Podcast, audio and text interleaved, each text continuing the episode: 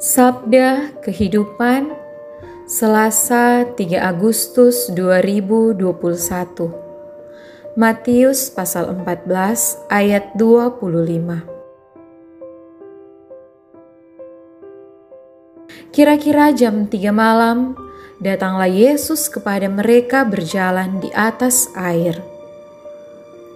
Dikisahkan Matius setelah mujizat perbanyakan roti, Yesus menyendiri untuk berdoa.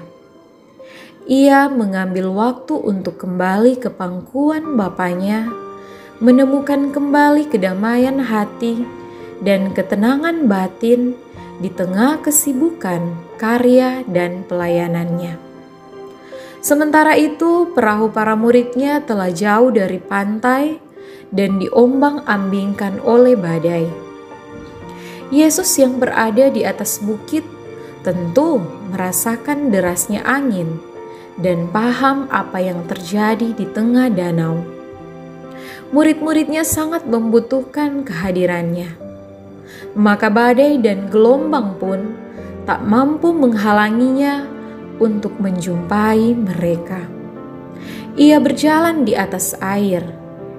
Berarti Yesus tahu bagaimana mengatasi hukum alam mengenai gravitasi dan perbedaan berat jenis air dengan tubuh manusia. Ia penguasa alam semesta, air pun bisa dipijaknya. Adakah dari kita yang meragukan kuasanya untuk menjumpai kita di saat-saat terberat dalam hidup kita, saat pandemi, derita, perang? Kata Paulus, tak ada satupun yang dapat memisahkan kita dari cinta Kristus.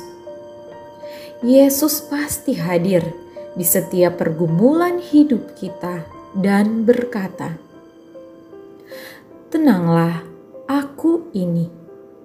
Jangan takut." Mari terus berlayar mengarungi suka duka kehidupan tetap berdoa, dan bekerja. Bila Yesus ada dalam perahu, kita tetap bisa tersenyum di tengah badai. Selamat hari Selasa, berkat dan kasih setia Tuhan menyertai kita. Pastor Revitano PR